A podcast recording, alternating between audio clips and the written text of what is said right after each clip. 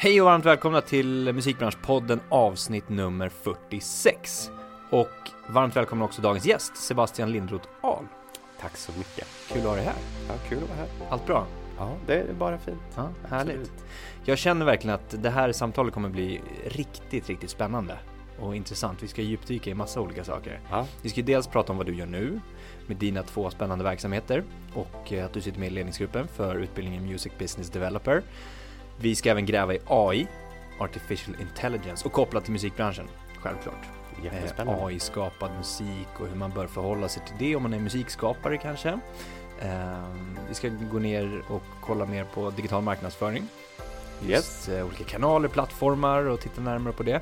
Och såklart lite tips. För du driver ju två Facebookgrupper. Eh, Mm. Du kanske driver fler, men kopplat till Mm. musikbranschen så är det ju musikbranschjobb och svenska musikbranschen. Ja, stämmer bra. Och där ska vi prata mer om det. Ja, roligt. Grymt, vi kör på. Hur har veckan börjat? Den har eh, börjat eh, bra, lagom eh, lugn eller lagom hektisk beroende Ja. på hur man ser det. Ja. Ja. Härligt. Ja. Brukar du kicka igång veckan liksom, eh, på något speciellt sätt eftersom du har flera olika ben och verksamheter? Eh, jag gillar nog att köra igång måndagen ganska lugnt. Eh, gärna börja morgonen med att gå ut med, med hunden om det är möjligt, om jag hinner med det. Mm. Och, och, och ta en, en, en kaffe och börja eh, planera upp eh, veckan Ja. och vad som behöver eh, göras. Ja. Typ så. Men ja. ja men grymt, för vi ska kolla lite på vad du gör Mm. nu då. Vast and Awesome Mm. börjar vi med. En digital agency för musikindustrin, Ja, det kan man stämmer. väl kalla det för. Ja. Ja. Berätta, vad, vad är detta för någonting? Uh, ja, hur ska jag börja? Nej men egentligen är det väldigt enkelt. Det, det, det finns ett stort behov av uh, kunskap om liksom, hur ska man ligga i framkant i musikbranschen. Det gäller, det gäller väldigt mycket uh, delvis utveckling utav eh, kan vara eh, plattformar, webbsidor, men framförallt när det gäller marknadsföring. Mm. Det, det finns ett eh, skriande behov eh, utav det. Och, och det är Västarna som en, liksom en reaktion på, eller vad man ska säga. Det, liksom, det, det är till för att täcka eh, det behovet. Mm. Eh, och den byrån har funnits snart ett år nu. Jag tror den firar ett år alldeles snart. Och eh, för tillfället så är det jag själv som, som jobbar aktivt i, i den. Eh, men däremot så har jag ett gäng eh, underkonsulter, eller jag kallar för ett nätverk runt omkring mig som är olika typer av frilansare. Det kan vara allt ifrån ingenjörer, eh, programmerare, eh, illustratörer, videofilmare, annonsörer som jag eh, tar in beroende på vad som behövs. Ja precis, vilket jobb, vilket ja, uppdrag du får i. Exakt. Så, så anledningen till att jag har det, det är för att kunna vara eh, snabb och flexibel och för att kunna sätta ihop liksom ett, ett, eh, ett team som eh, verkligen kan vara, liksom, som verkligen är det bästa för det uppdraget istället för att man är fast vid de anställda som man har och så kanske det är ett projekt som inte helt och hållet kanske är anpassat efter eh, deras kompetens då, utan kunna vara flexibel där men också på så sätt kunna liksom jobba med, med nya aktörer på andra sidan jordklotet eller vad det nu kan vara så att man har möjlighet att vara flexibel på det sättet. Mm. Lite framtidstänk när det gäller anställning. Ja men li, lite så, jag tänker testa det i alla fall. Ja. Det är möjligt att kanske eh, anställa det här, här framöver men, men för tillfället så, så är det det som gäller. Då. Men som, som byrå så, så jobbar vi eh, som sagt mestadels inom eh, musikbranschen. Eh, det är i alla fall liksom vår, vårt, vårt fokus men, men eh, det, det kan även liksom eh, hamna lite utanför. Eh, men men eh, i så fall är det för att man, jag anser liksom att det finns någonting man kan lära utifrån eh, de grejerna som man kan ta in i musikbranschen. Mm. Eh, men eh, det kan vara liksom, aktörer i musikbranschen kan vara allt ifrån eh, artister själva eh, till eh, skivbolag, management, bokningsbolag, eh, organisationer eller vad finns det mer för aktörer? Eh, förlag. Mm. Är det allt då liksom från att sätta ihop ett, mm, något paket som de behöver till att lägga upp någon strategi för deras sociala medier? Ja, det, det är en bra, bra fråga för att det, det, det, det, kan vara, det är väldigt brett vad vi liksom åtar oss att göra, eller, eller jag då framförallt för att eh, det, det kan skilja sig väldigt mycket. Det som är väldigt populärt nu och efterfrågat eh, det är digital marknadsföring och då är det delvis är det då strategi och upplägg, alltså en, en, en plan. Man kanske vill, kan vara en festival som ska lanseras, det kan vara en artist som eh, vill kicka igång sin karriär eller etablerad artist som vill eh, göra någon kreativ kreativt släpp eller ja, något sånt. Mm. Och då, då kan det eh, både innefatta den här strategin och plan men också genomförandet. Ibland innefattar det till exempel en kampanjsida som ska utvecklas. Ehm, eh, kan till exempel vara någonting som genererar spellistor utifrån användarnas input kopplat till Spotify, Spotifys API eller liknande. Eh, som det sedan ska liksom, drivas trafik till för att engagera fans och så vidare. Mm. Men sen också utförandefasen på så sätt att det också eh, innebär att man annonserar, väldigt mycket annonsering. Facebook, eh, Instagram, eh, Google, Youtube, eh, Spotify eller vad, vad det nu eh, behöver vara då. Mm. Så, så det är, är en, en stor bit. Mm. Men som sagt det här med utvecklingen det, det, är också en jättespännande eh, del för att det, där kan man vara riktigt eh, kreativ. Ja, verkligen. Och, och, din specialitet i det här då, som du sa, du sätter ofta ihop ett team och tar in specialister. Vad, ja. vad är din specialkompetens, skulle du säga? Ja, jag tror att eh, eh jag har eh, ovanligt, eh, i alla fall om man ser till musikbranschen så tror jag att jag har ovanligt stark teknisk kompetens. Eh, med att jag, jag har liksom tidigare drivit utvecklingsprojekt och utvecklat eh, tjänster, system, webbsidor och har, har haft ett gäng med, med, utvecklare och designers. Eh, så jag vet vad som är möjligt att använda med olika slags tjänsters API och vad som är möjligt att göra och därmed så får jag också då eh, en lite annorlunda eh, palett över vad man rent kreativt kan sätta ihop. Mm. Så, så eh, många gillar att ta in mig till exempel för, för att liksom ta in kreativa och nytänkande koncept. Mm. Eh, och ibland kan det stanna just där, att jag är med i den processen, men det kan också vara liksom att, att, att göra den, eh, den delen. Då.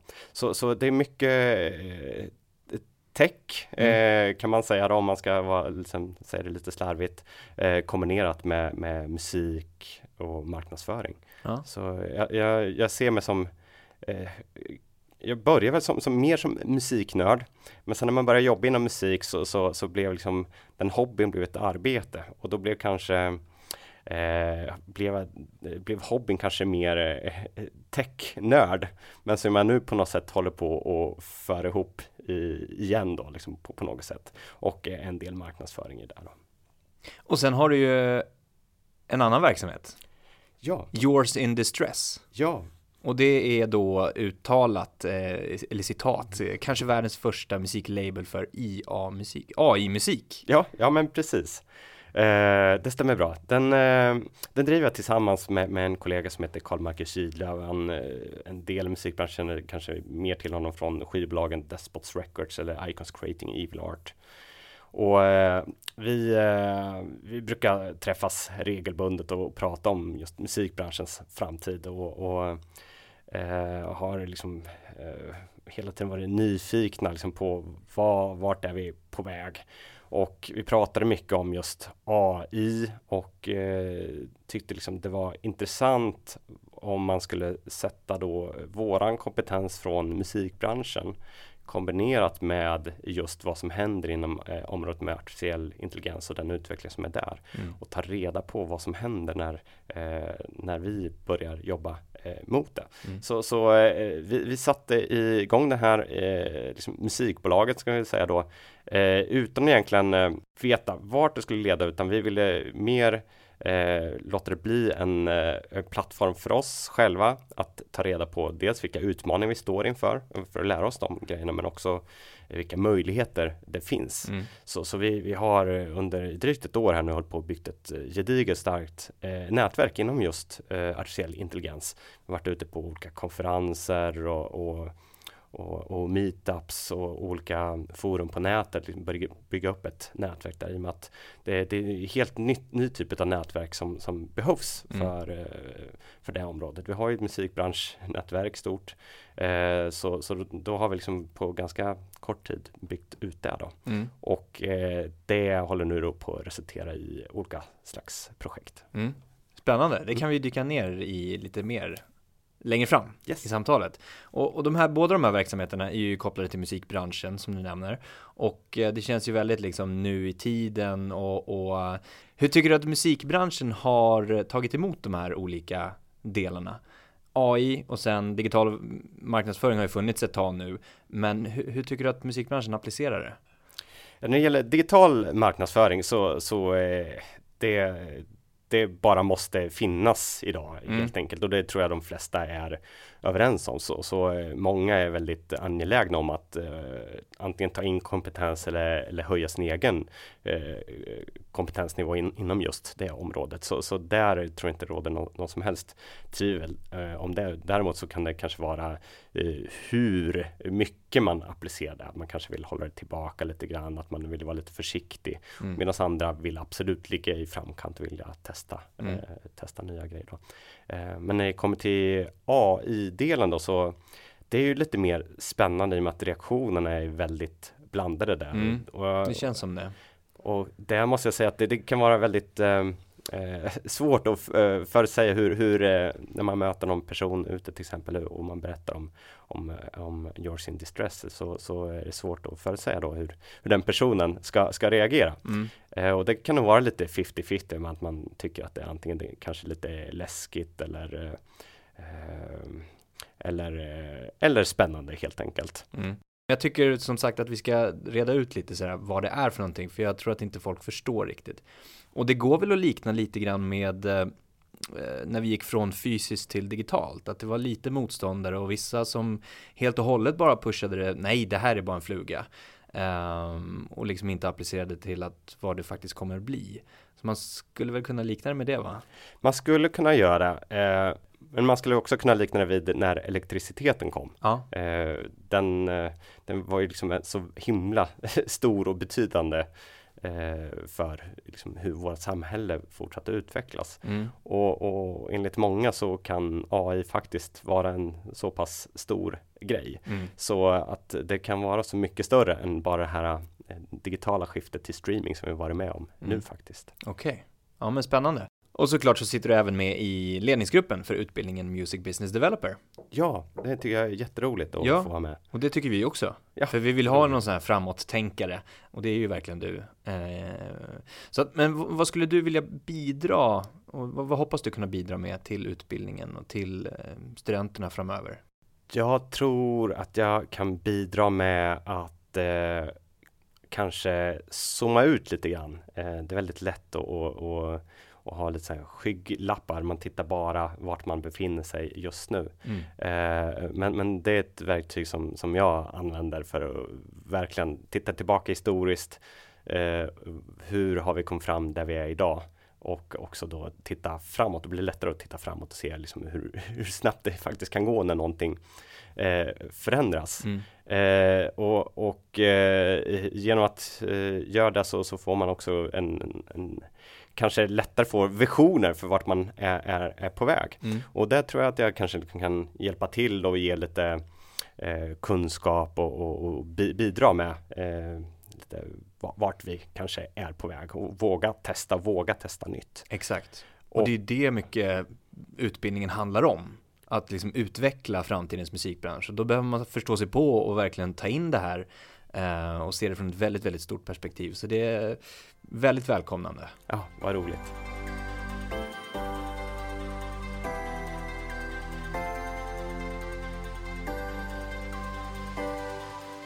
Ehm, AI, Artificial Intelligence, Ja, tycker jag vi dyker in i nu. ja vad spännande. Ja, ehm, och eh, om vi går in lite mer i detalj, hur fungerar det här nu då? Vad är AI-skapad musik?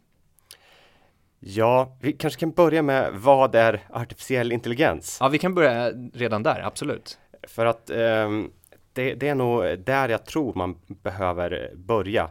Och, och då får man kanske gå tillbaka redan till vad är intelligens för något? Bara så att vi reder ut alla, alla begrepp. Ja. Och, och, och, det, och redan där så, så finns det liksom meningsskiljaktigheter om vad intelligens är. Men, men eh, intelligens kan, kan beskrivas som eh, förmågan att uppnå komplexa mål. Det tycker jag är en bra beskrivning av vad intelligens är. Mm. Och då artificiell intelligens, det är då, eh, vad ska man säga då, syntetisk intelligens eller Mm. icke, eh, icke biologisk sådan Precis. intelligens. Vilket innebär att det är då eh, förmågan att tänka fastän det inte är våran biologiska hjärna som gör det. Utan Mm. istället för att det är kolatomer som processar en massa data så är det då kiselatomer. Och eh, det är då artificiell intelligens. Och det är ett jättestort begrepp som kan, eh, det, det är som att, att eh, prata om just el- elektricitet. Det kan appliceras på så många olika sätt. Mm. Och, och nu ställer du frågan här till exempel om hur, eh, vad är då AI-skapad musik? Och då får man gå in och tänka liksom, att det är musik som skapas på, på något sätt. Mm. Och då är det alltså en, en dator som på något sätt har varit med och, och skapat eller komponerat den här musiken. Och idag har vi inte kommit så långt så att eh, datorer helt och hållet utan mänsklig input klarar av att eh, skapa egen musik. Utan vi, vi är snarare där idag där, där man eh, kan bygga upp som digitala ramverk och bestämma ungefär hur musiken ska låta, vilken känsla den ska, ska ha. Mm. Och sedan så kan det då generera massor av sådan musik. Eh, det kan också finnas med i former av eh, eh, som ett stöd när man komponerar musik. Du spelar kanske ett pianostycke, eh, du, du, du, och sen får du ett svar, ungefär som att du jammar tillsammans med någon. Mm. Och eh, det är väl ungefär där det används rent praktiskt i, idag redan. Mm. Och det finns flera jättespännande sådana lösningar som används av en del eh, artister. Då. Just det. Men om man tänker då AI-skapad musik är det inte helt bara en, en dator som genererar en poplåt. Utan det måste finnas en mänsklig touch i det hela. Ifrån början. Ja, i, där vi är i, idag i Ja. utvecklingen. Eh, och då, då kan vi passa på att gå in där för att där vi är idag så är det en, en typ av artificiell intelligens som man kallar för snäv artificiell intelligens. Och det, det är här som begreppsförvirringen börjar när man kanske ser paneler på konferenser eller ser folk prata om artificiell intelligens och utveckling. Kan man kanske kolla på någon video på Youtube och då Mm. ena stund så pratar en del om det som vi kallar för snäv intelligens, vilket är det vi har idag då. Men och andra pratar om det som man kallar för generell intelli- eh, artificiell intelligens eller AGI, artificiell generell in- intelligens. Vilket innebär att man har nått så långt så att eh, den artificiella intelligensen är lika smart som den mänskliga hjärnan Ja, eller precis. ännu bättre. Mm. Och det är egentligen någonting helt annat. Det, det, det är det som kanske beskrivs mycket i science fiction-filmer och, och så vidare. Mm. När den blir smart och Exakt. lär sig själv. Exakt, och Mm. då, då kan den i sin tur eh, skapa ett eget AI som sen skapar eh, nya låtar, skapa ett eget AI som, som blir kompositör som i sin tur skapar ett eget AI. Just det. Mm. Det är då det blir ännu mer intressant, men där är vi inte än, men vi, vi är på väg dit. Ja.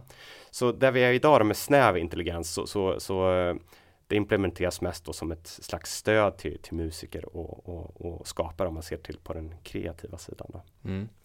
Men det är ju inte på något sätt eh, nytt egentligen om man ser till att det är algoritmer som på något sätt skapar musik. Det, det har vi gjort egentligen i flera årtionden eh, tidigare. Liksom David Bowie hade något projekt, han jobbade lite grann med det, men även Brian Eno har, har också skapat sådan musik där det varit olika system som har skapat musik där han inte haft kontroll över exakt hur det ska låta. Mm. Han har gjort liknelse vid att han eh, ser sig själv som en trädgårdsmästare som sår olika frön.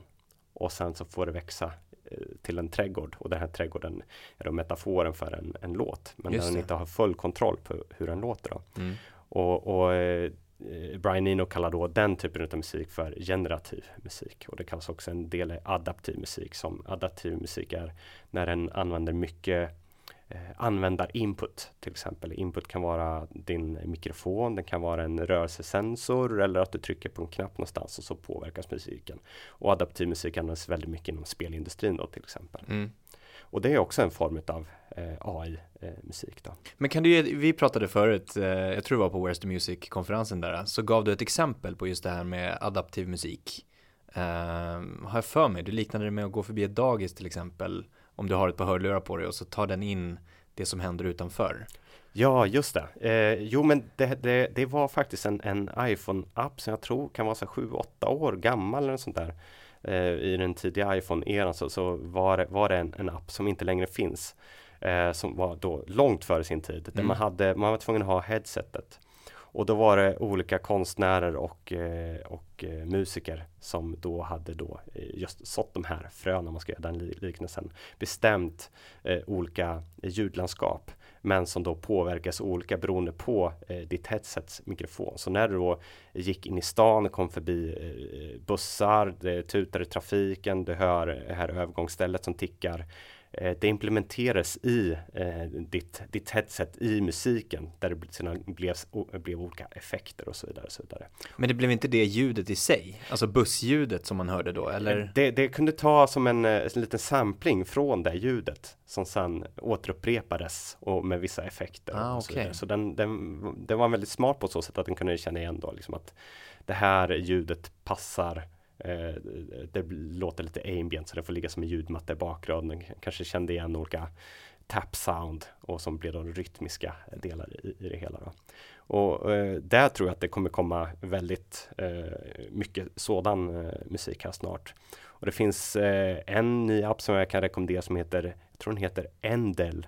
Eh, en del på svenska då, endel.io. Mm. Eh, den finns bara i beta men man kan ansöka om att få, få, få del av den här appen. Och där är det annan typ av input som man har i, i mobilen. Där är det, kan du koppla då dina steg med den här stegräknaren.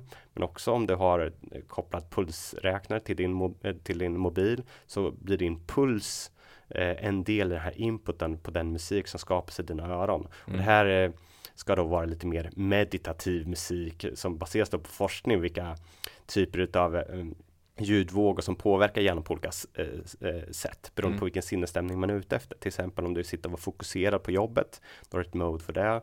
Eh, vill du eh, eh, försöka sova, finns det ett mode för det. Eller när du är på något sånt, det som kallas för public space, när du är ute då, så finns det olika eh, sådana enval där. Och sen tar den då olika input i, i din telefon och som du hör då i, i dina hörlurar. Och det blir ja. extra effektivt när du har sån här noise cancelling ja, hörlurar. Exakt. Då. Och eh, om vi går in på mer så här hur det här kommer kunna användas i musikbranschen mer framöver och inte ja. bara nu, utan vi spånar lite framåt. Kommer det bara vara en form av när, när man skapar musik eller kommer det finnas användningsområden för tekniken i andra delar, alltså businessdelen till exempel, analyser eller ta fram data och statistik. Vad tror du? Eh, jag, jag, jag, ser lite grann att man kan ha AI som en formel för att skapa nya affärsmodeller. Du mm. kan ta vad som helst som finns idag, addera AI och sen har du en ny affärsmodell. Det som sker mest just nu då, det är eh, inom just den kreativa delen, just med, med låtskapande då. Eh, det är det som jag tror kanske är mest attraktivt och där man väl hör eh, en direkt skillnad och, där det skapas någonting väldigt konkret. Mm. Sen kan det vara lite de här tråkiga delarna när det handlar om eh, upphovsrättsliga delar, med att den känner igen olika verk eller fördela pengar på olika sätt. Det handlar egentligen om att man effektiviserar eh, datasystem. Mm. Eh, vilket, ja, där det sitter en massa människor och jobbar manuellt idag kommer ett AI kunna effektivisera eh, mm. den delen. Då. Eh, och det pratas mycket om till exempel eh, A&R till exempel, eh, att analysera massor med data, kunna förstå när en, eh, vad som kan vara en blivande hit i tidigt skede till exempel och, och så vidare. Mm. Så det, det, är ju en, en del där också. Men om vi ser då ännu längre i framtiden när, när, när det då troligtvis kommer komma det här AG i artificiell generell intelligens. Det är egentligen dit vi bör fundera på eh, vart vi vill att musikbranschen ska hamna när vi väl kommer dit. Eh, för att det kommer behöva sättas upp eh, regler och lagar för eh, inför eh, när vi kommer till det här stora skiftet för det kommer påverka oss Eh, radikalt. Hela branschen kommer eh, förändras jätte, jättemycket. Och vi behöver tillsammans, alla i branschen, enas om hur vi vill att AI ska vara en del i musikbranschen. När det gäller då, till exempel då, eh, låtskrivarprocessen. Ska, ska AI kunna eh, få eh, skapa egna verk och få anses vara en juridisk person rent rättsligt och juridiskt då, mm. till exempel. Men idag så är det ju inte så då, utan då är det, då är det bara eh, det är som ett hjälpmedel helt enkelt. Kan vi sammanfatta det vid det? Ja, idag är det som ett eh, hjälpmedel. Eh, men jag ser det också, särskilt då i, i det musikbolaget vi har nu då med Yours in Distress, så ser det som eh, ett verktyg för oss att utforska vad kreativitet är och vad kreativitet kan vara. Ja. Idag ser vi det som en typisk mänsklig sak mm. att vara kreativ. Mm. Men där skulle jag vilja utmana eh, det påståendet och se, finns det något som kan kallas vid syntetisk eh, kreativitet till exempel? Vad är skillnaden eh, mellan eh, en eh, mänsklig inspiration eller maskinell inspiration? Om man ser till inspiration, vad det egentligen är hos en människa så, så är det input som vi får mm. genom vid olika tidpunkter. Vi ser, vi doftar, vi känner, vi, vi hör saker. Eh, det processas i våran hjärna och sen eh, så blir det en slags output. Ja. Och eh, alla sådana saker går att göra med maskiner också. Eh, så det, och vad är då skillnaden mellan eh, mänsklig och maskinell inspiration? Och det, har det ena eh, lägre värde än det andra? Det är sådana frågor vi kommer få eh, handskas med framöver. Ja, jo, för jag kan tänka mig att de som sitter där ute och lyssnar säger jag är en musikskapare. Varför, varför ska en robot ta över det jag gör? Um, tror du att det kommer hända eller tror du att det kommer vara mer två parallella banor om man kan kalla det för det? Det en bra fråga. Det, det, kommer alltid finnas folk som känner sig hotade. Ja. Och det, det, kommer vara en, en, del jobb som kommer eh, få stryka, stryka på foten och, och sådär, absolut. Eh, men jag tror att kreatörer kommer tycka eh, det är ett fantastiskt verktyg med, med, vad AI kommer kunna leverera. Det, det kommer vara, man, man har ju hela tiden använt digitala verktyg som, som kreatörer mm. och, och musikskapare. Och det här kommer addera en nivå till på det här som jag tror många kommer uppskatta. Vilket innebär liksom att den kreativa processen kommer eh, det kommer kanske boosta på den kreativa processen helt enkelt. Mm. Det kanske kommer vara en co-writer kommer vara ett AIs namn helt enkelt. Mm. Och eh, man har jätteroligt till mm. exempel. Då. Um, så givetvis kommer några känna sig uh, hotade. Um, men uh, jag tror den positiva eh, kommer väga över den, den negativa. Delen. Ju mer folk förstår sig på det kan jag tänka mig. Precis, och jag, jag tror att eh, redan idag så är AI eh, redan accepterat. När du googlar idag så är det ett AI som, som, som ger dig resultatet. Mm. Så vi använder redan AI idag. AI är egentligen bara någonting som händer bakom kulisserna. Mm. Eh, och det kommer i, i mångt och mycket se ut så som vi är vana vid att kommunicera idag och olika verktyg. Det är bara det att hur informationen processas det bakom. Mm. Det är det som förändras och det är det som blir en slags eh, exponentiell utveckling utav hur, hur smart och snabbt det, det arbetar. Vilket mm. innebär att det kommer gå, gå jätte, jättefort den här utvecklingen. Mm. Så det är ju mer vad, vad man liksom själv associerar med begreppet AI också. Att, att rensa ut det på något sätt, att det inte är en robot som tar över världen, utan att mer, ja men som vi är inne på, och förstå sig på vad det betyder. Jag tror att det är det som är det viktiga. För att folk förstår inte på sig på att, att Google är en, att det är en, det är en AI bakom som, som hämtar hem det här. Eh, utan det är bara en funktion som har lite algoritmer och så pang så, så får jag upp mitt resultat. Ja, men precis. Det var precis som när elektriciteten eh, kom ja. på, på, samma sätt där. Att, eh, det var säkert en del som var motståndare till det också och mm. det, det, är det med, med, AI med. Men, men nu är det en helt naturlig del i, i vår vardag och det, det kommer AI också vara. Den stora frågan är hur vill vi att det ska implementeras när väl den ännu smartare AI, AGI eller superintelligensen då eh, kommer att eh, komma. Mm. Eh, för att där innebär liksom på, på, säga, på ännu större, eh, i ett ännu större perspektiv så, så, så, finns det jättestora risker med det eh, för vår civilisation mm. som vi absolut bör, bör uppmärksamma. Eh, och det behöver vi göra inom musikbranschen också för att det, det, är upp till oss människor nu att bestämma hur vi vill att det ska utvecklas. För just nu är det vi som styr AIns utveckling. Men till en viss punkt fram när AGI kommer så, så kommer det, det att själv kunna sätta sina mål och det mm. inte vi göra. Mm. Så därför behöver vi idag diskutera de här grejerna. Det är jätteviktigt att diskutera hur vi vill att det ska utvecklas, hur vi vill att vår framtid eh, ska vara innan det är för sent. För att sånt tar lång tid. Det vet vi hur det var nu med, med piratkopiering och, och de problem som vi haft där med lagstiftning och hur tjänster utvecklas och innan det kommer bra lagliga alternativ och, och så vidare. Och så vidare. Mm. Att sånt tar lång tid. Och, och det finns många gissningar om, om när eh, AGI kommer. Det finns en del som, som säger att det kommer inom 3-4 år. Det finns sådana som säger att det kommer inte komma det här århundradet. Men eh, enligt en, en, bok som fysikern och kosmologen Max Tegmark skrev så, så, är, så finns det ett snitt bland dagens AI-forskare det kommer komma någonstans runt 2055. Eh, någonstans där. Men eh, många framstående AI-forskare som till exempel Ray Kurzweil på, på Google tror att det kommer någon gång 2030 mm. och amerikanska regeringen tror att det kommer komma runt 2036. Mm. Så, så ja, det, det, går snabbare än vi tror. Och så kommer det väl komma små variationer, alltså det kommer ju byggas på så att säga, själva tekniken och det kommer inte bara vara ett så här, från och med idag så finns det, utan det är väl en utvecklingskurva som man kommer se. Exakt. Men är det, det är någonting som du verkligen vill propsa på, att börja prata mer om det istället för att skjuta det framför sig?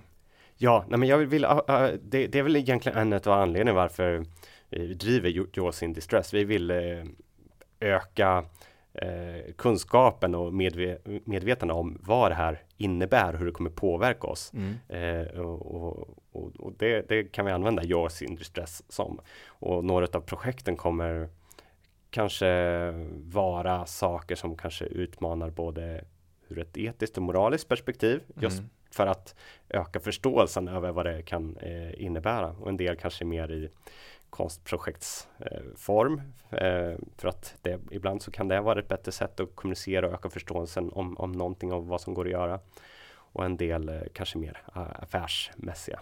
Mm, mm. För jag tänker just som du var inne på det här med när det kommer sån smart AGI. Eh, allt som har med upphovsrätten att göra. Vem äger det? Vem får betalt? Vart flödar pengarna någonstans? Kommer det vara samma betalningsersättning? Alltså ersättningsmodell för när man lyssnar på musik? Kommer det vara olika ersättningsmodeller för olika slags skapad musik?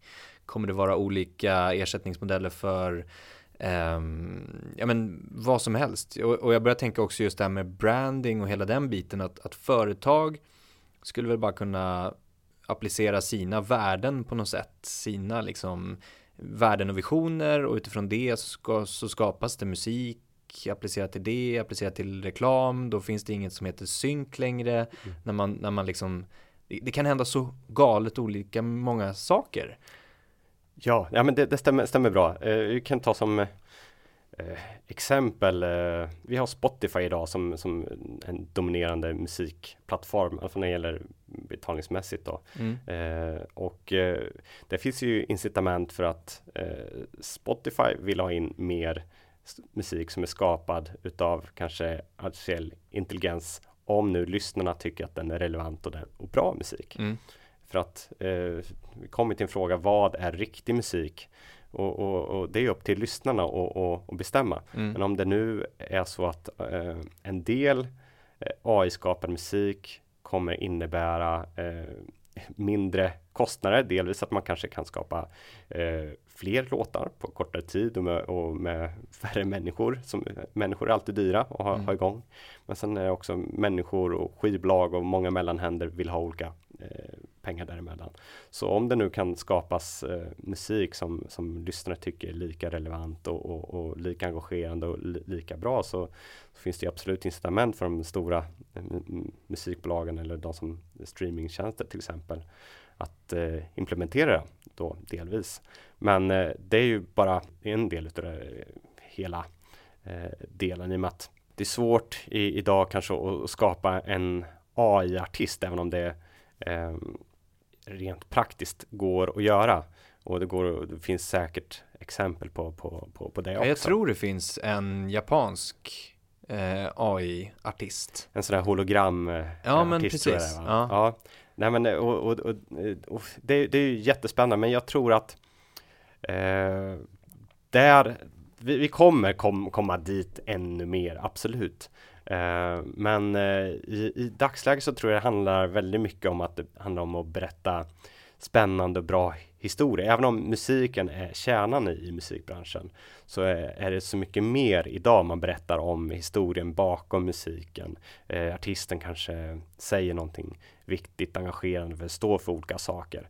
Och sen så råkar den personen också göra musik som man sen konsumerar och vill identifiera sig med. Då. Mm. Eh, så så det, jag tror människan kommer fortfarande ha en eh, betydande och, och, viktig del och, och, roll i det här. Mm. Men jag tror att eh, det kommer komma eller kommer att bli vanligare med eh, lite mer det som slarvigt kallas för här, skalmusik eller, eller funktionsmusik tror mm. jag kanske mm. används, den termen används lite oftare då. Eh, och jag tror det var Brian Eno som, som en gång sa eh, att i framtiden så kommer det finnas tre typer av musik. Det kommer finnas live-musik, inspelad musik och generativ musik.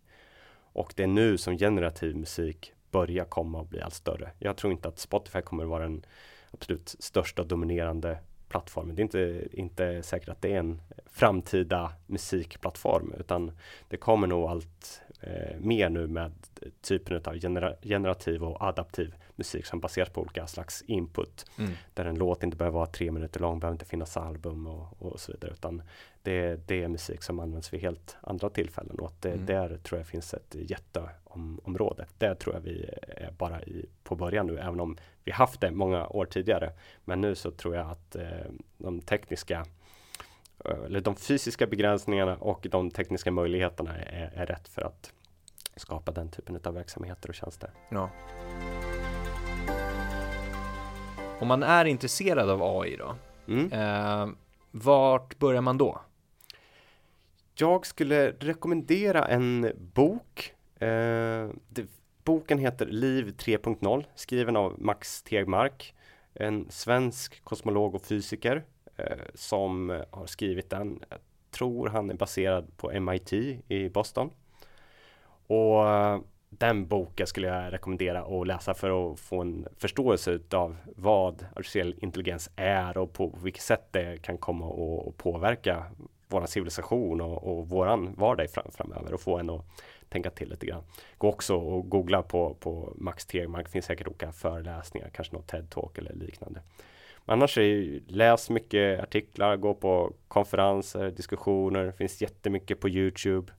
Eh, bara, bara välja och, och vraka och ta del av det som man tycker är intressant för att det är ett sånt enormt område. Så en del eh, handlar helt enkelt om konst och AI där det är jättemycket till exempel visuell konst eh, i form av bearbetar eh, gamla medeltida eh, tavlor eh, och sen skapar nya sådana tavlor inspirerat och det till exempel. Finns när det gäller videos, finns eh, språk, eh, finns jättemycket sådana områden. Eh, så, så eh, jag tror att eh, alla, alla kan nog hitta någon del när det gäller AI och, och, och, och, och fördjupa sig inom. Ja, och om man är mer tveksam då? Vad bör man, hur bör man tackla det? Ja, men då får man skärpa till sig. Alltså. Det, ja, men det är som när elektriciteten kom. Ja. Det, det, är ju, man, får, man får skärpa till sig. Liksom. Det, det, det, kommer helt enkelt och kommer påverka massa. Men då får man vara lite delaktig då.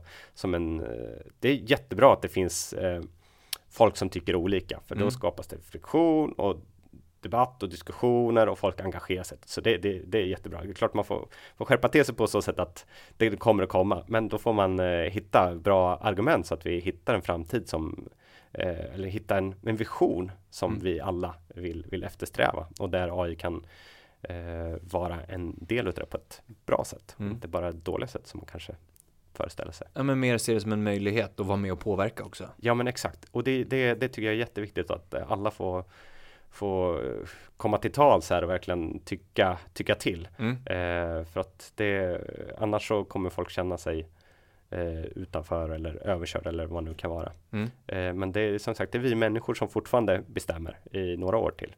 Ja verkligen. Eh, sjukt spännande tycker jag i alla fall är med den biten. Vi, vi lägger det lite åt sidan, så ska vi prata mer marknadsföring, digital marknadsföring. Överlag då, vi börjar bara rakt på. Vilka kanaler tycker du att man ska lägga tid på idag? Vilka är liksom som man bör lägga sin fokus på?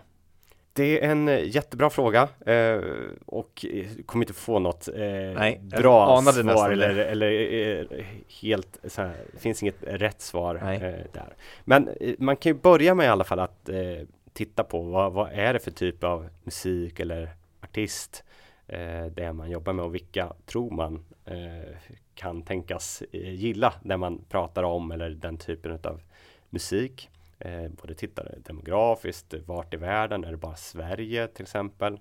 Och så får man eh, titta på den information som finns över vilka kanaler och som, när det gäller digitala kanaler i alla fall, vilka som kan vara eh, relevanta för det. Mm. Eh, det finns eh, väldigt mycket information eh, om, i alla fall speciellt till, till Sverige då, vilka som använder vilka digitala kanaler, Snapchat, Instagram, Facebook och så vidare, så kan man göra en bedömning utifrån det.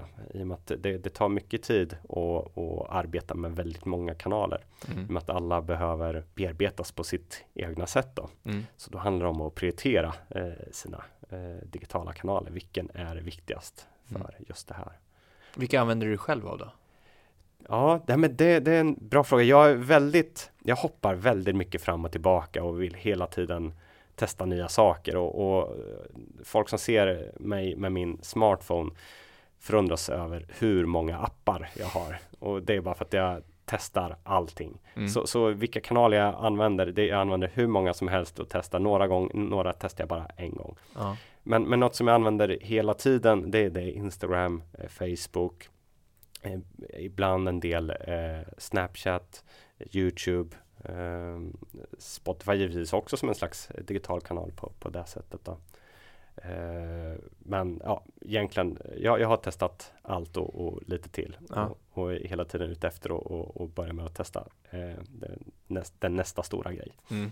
Finns det någon risk med att, att lägga all fokus på en kanal skulle du säga? Om, man är, om vi går till artistperspektivet. Ja, i alla fall om man väljer fel kanal. Ja. Eh, det, det, har jag faktiskt sett också. Det, det, till exempel så, så kan det vara en, en artist som tycker det är vrålroligt med, med Twitter eh, och så har man bara en, en svensk publik eh, och, och, och, använder inte några andra kanaler i princip alls. Eh, till exempel. Men det, det är kanske en dålig idé att prioritera och bara använda Twitter i och med mm. att det, det, inte är, är, så stort på det sättet. Det, har, det är väldiga kluster mm.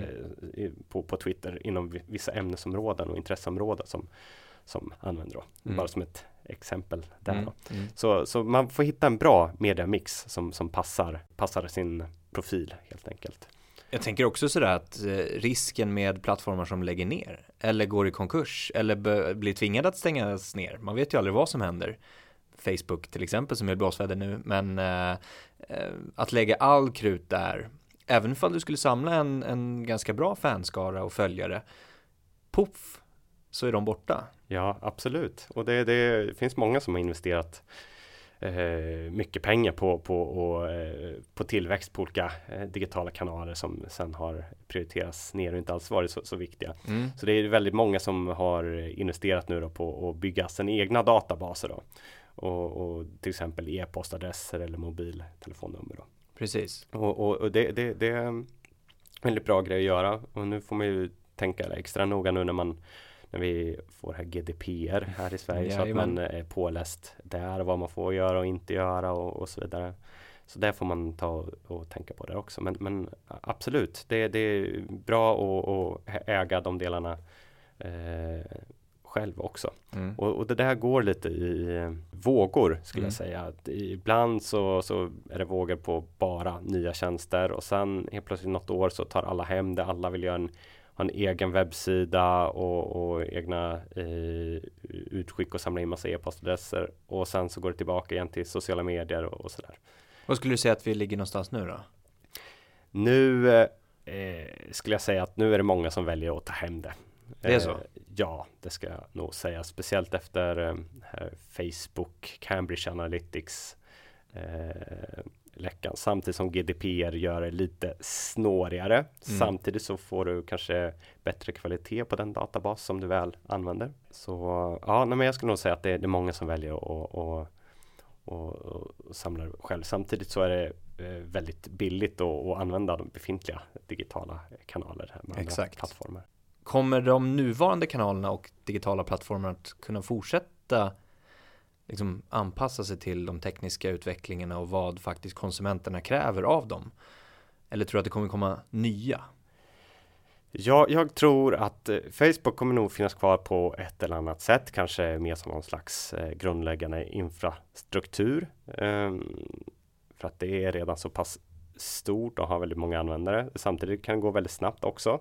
Ehm, men eh, vad jag såg till exempel på årets South by Southwest så var det mycket diskussion om de här grejerna med nya slags plattformar som bygger på blockchain-teknik till exempel. Mm. Vilket innebär att det är allt mindre decentraliserat. Eh, så det är alltså en mindre, istället för att en stor databas som ägs av eh, ett stort varumärke så är det utspritt hos massa olika användare. Om man ska ja, förklara väldigt, väldigt kort. Då.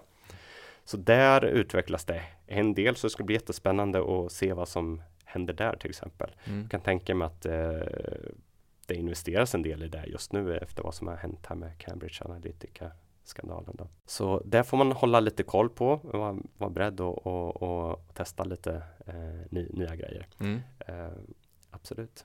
Men eh, för jag tänker så här egentligen det är inte väldigt lång tid som de har funnits. Är det 2006 de startade eller? Ja, det, det är en bra fråga. Jag tror, jag tror det kan vara 2006. Det låter Någonstans väldigt bekant. Ja, ja. ja.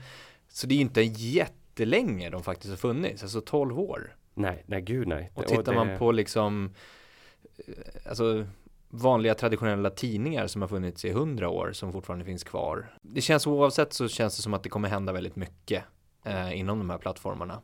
Ja men, ja men visst, och, och, det var inte länge sedan vi hade MySpace och, och jag ja. fick hjälpa artister med sina MySpace-sidor och, och, så vidare. Och, det, var, det, det, skulle alla ha helt enkelt. Ja, jag vet inte hur många timmar jag satt och harvade med MySpace själv med bandet eh, och försökte lista ut hur det fungerade och man bytte bakgrundsbild och hej och hå.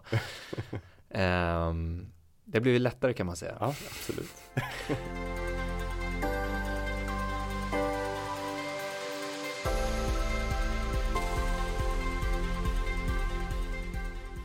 Men om man ska börja med att få ut ett budskap som artist, hur bör man liksom eh, börja jobba och applicera sitt budskap på de digitala kanalerna? Säg att jag är helt från scratch eh, och vill få ut min, min musik, alltså mm. mitt budskap. Mm. Vart, vart bör jag börja någonstans? Ja, det, det, är ju alltid tufft när man ska börja från scratch. Eh, det är det. Eh, och det gäller ju då, det, det, vi, vi är i en tuff situation idag där du har tillgång till all världens musik i din ficka. Mm. Praktiskt taget.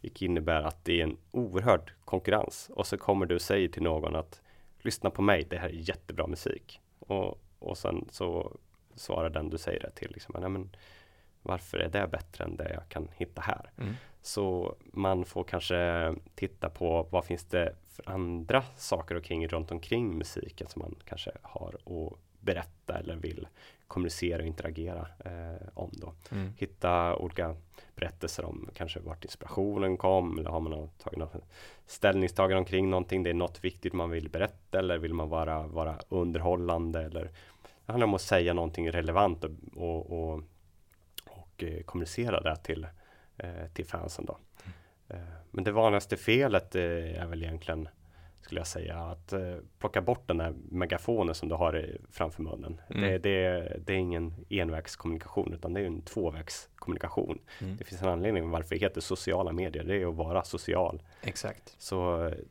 lyssna mer eh, och interagera mer. Mm. Eh, det skulle jag väl säga att man börjar, börjar där med, med ha det som mindset i alla fall. Då mm. tror jag man har kommit ganska långt. Ja men verkligen. Har du några exempel på artister, företag som gör det här väldigt bra, just kommunicerar i sociala medier? Jag brukar oftast titta utanför musikbranschen mm. när jag mm. vill inspireras för att eh, jag tycker att musikbranschen vissa eh, står delvis på, på tå.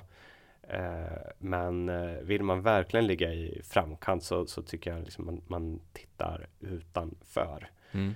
Och eh, man kan väl kanske börja med att ställa sig själv frågan eh, vad är det för varumärken som kommunicerar med mig och tilltalar eh, mig idag som inte är då musikbransch till exempel. Det kan vara eh, kan vara klädesmärke, det kan vara eh, bilmärke, kan vara ett sportlag. Mm.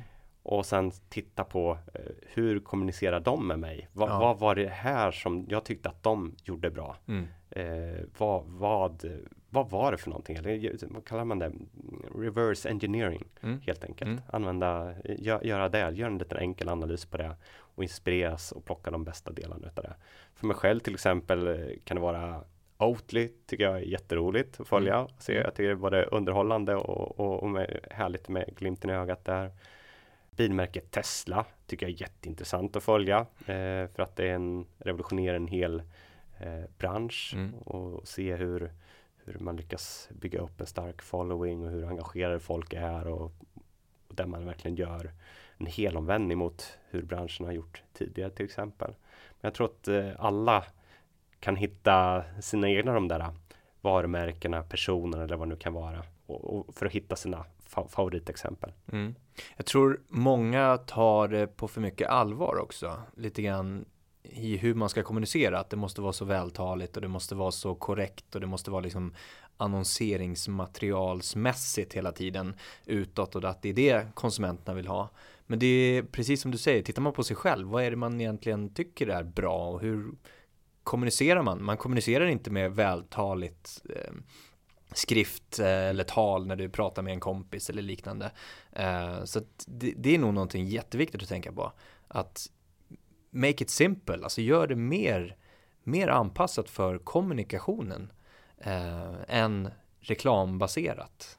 Ja, absolut. Och, och en nyckel där tror jag är att förstå vilken är man pratar med. Mm. Då kan man också prata med dem på ett sätt som är anpassat till dem. Exakt. För att det, du kan ha helt olika tone of voice som det kallas då beroende på vilka det är du pratar med. Och det kan vara valet utav ord. Ibland kan det vara valet utav emojis. Mm. Om det ska vara en punkt, lite mer formellt och korrekt. Eller ska det vara tre punkter eller mm. vilken typ av bilder eller vilken typ av humor man använder och så vidare. Ja. Så absolut, du har helt rätt där. Man kan verkligen gå, gå tillbaka och göra mer personligt på, på, på ett sätt. Men mm. det beror ju så, såklart på vilka vill du prata med. Mm. Eh, och ibland så passar inte alls personligt. En del Nej. som du vill nå så är det kanske inte så. Men, men, men generellt kan man, tycker jag en trend är i alla fall, i alla fall att det går ju åt att vara varumärken är mer personliga helt enkelt. Mm. Det känns som att du blir kompis med, med ett varumärke. Mm.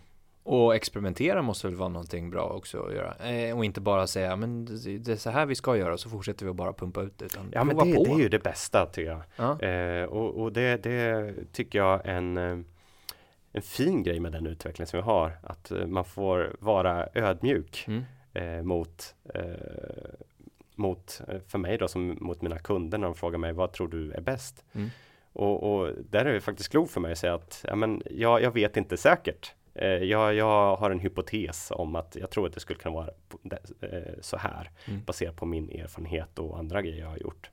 Men vi tar och testar det helt enkelt. Mm. Och så kan man göra det som kallas för AB-testet till, till, exempel. Mm. Så det är en väldig, väldig fördel. Och, och jobbar man på det sättet under en längre period så, så lär man känna eh, den målgruppen. Om man jobbar med ett och samma varumärke eller vad det nu kan vara under en tid. Så, så sitter sen i ryggmärgen hur man ska kommunicera. Mm. Och när vi ändå är inne på kommunicera och Facebook och plattformar så du driver ju de här Facebookgrupperna musikbranschjobb och svenska musikbranschen. Ja, just det. Ganska stora ändå i medlemsantal. Ja, om man ser till uh, enbart i Sverige mätt och, och, hur många det är som jobbar i svenska musikbranschen så är de ja, relativt stora. Ja, så, så är man inte medlem så är det ju bra att gå med dem? Ja, nej men absolut. Eh, sven svenska musikbranschen, eh, den eh, skulle jag vilja vara lite mer aktiv. Det är, det är egentligen en, en grupp för att prata ganska öppet om vad som händer i musikbranschen. Man tipsar varandra, frågar varandra om, om råd eller eh, man har läst en artikel, vad har andras input eller vad det nu kan vara. Då är det verkligen den, den, den rätta kanalen för det. Då. Eh, men eh, vill man leta efter eh, bra personer som man vill jobba med eller praktikanter eller själv söker praktikplats eller jobb till exempel. Då, då är det musikbranschjobb. Det är bara att söka på, på Facebook så, så kan man hitta där. Jag tror det är lite över 7000 medlemmar där nu och det är allt från techbolag till olika slags musikbolag, små som stora. Mm.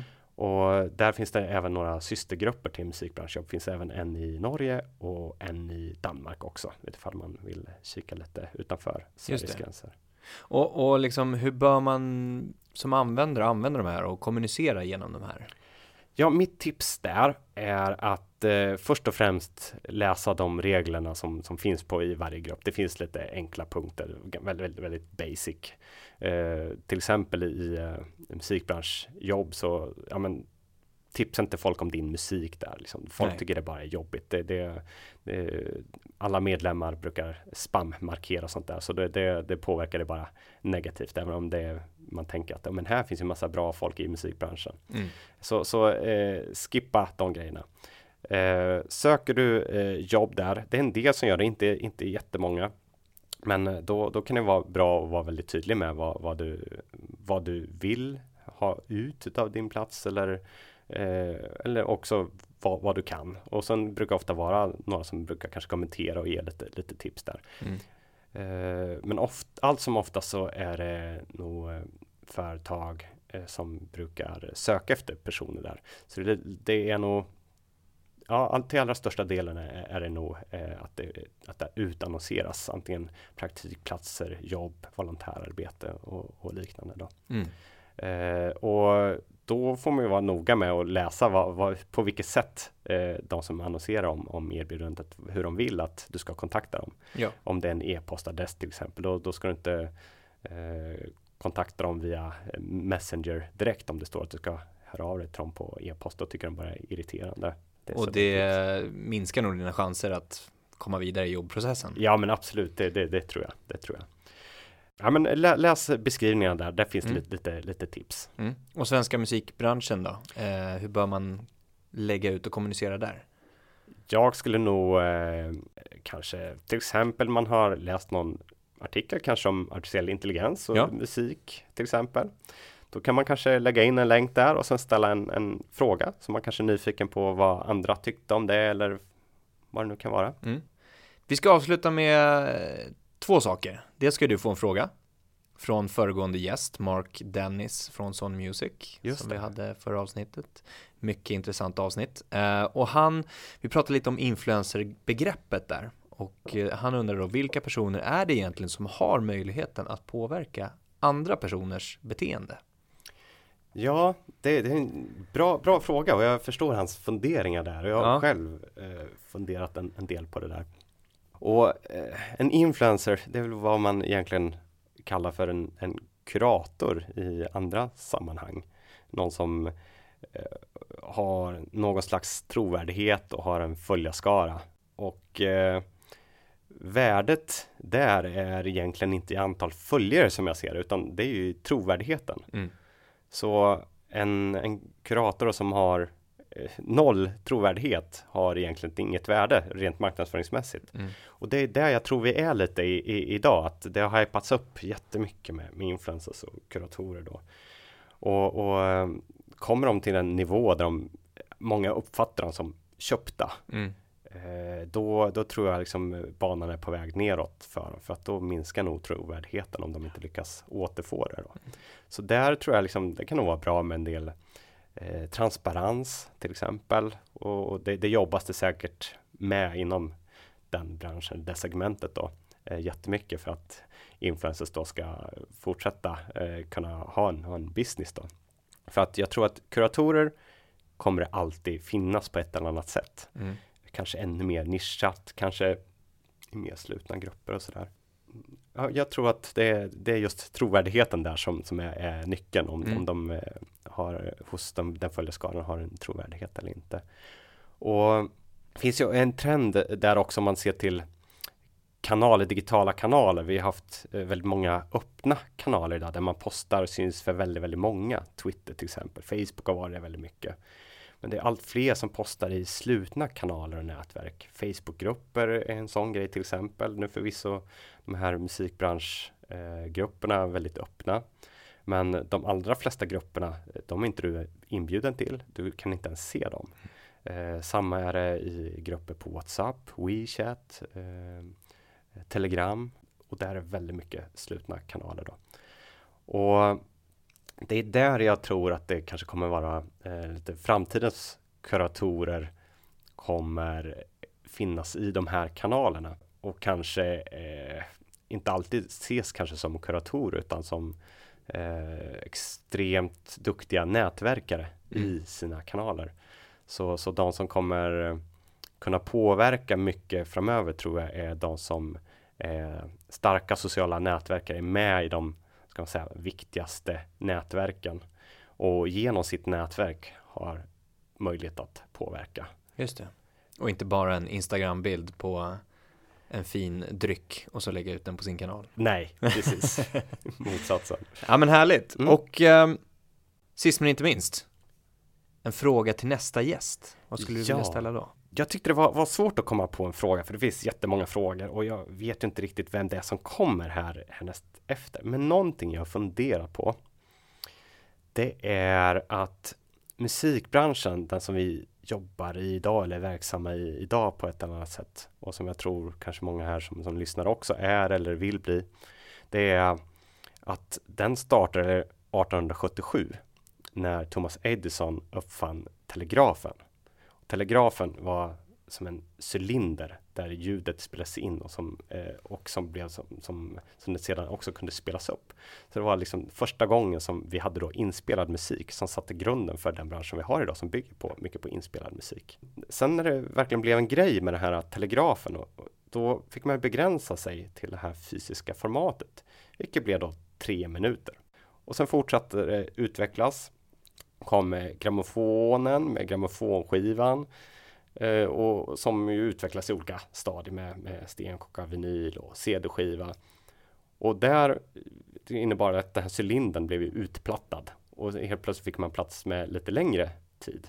Ja, men ungefär kanske tio låtar där vardera låt var tre minuter lång. Och därmed sattes då formatet album. Men nu har vi haft en utveckling här där de här tekniska begränsningarna har försvunnit. Så min fråga är, kommer de här låtformaten som vi har idag med tre minuter, som är fortfarande väldigt vanligt, och formatet som album eh, finnas kvar eh, länge till? Och varför används det fortfarande i så stor utsträckning? Alright. Det blir en eh, klurig fråga för nästa gäst ja, att bena ut. Ja, jag tror det. Ja, men härligt. Tack för samtalet Sebastian. Tack själv Andreas. Ha det fint. Du med. Hej. Ciao.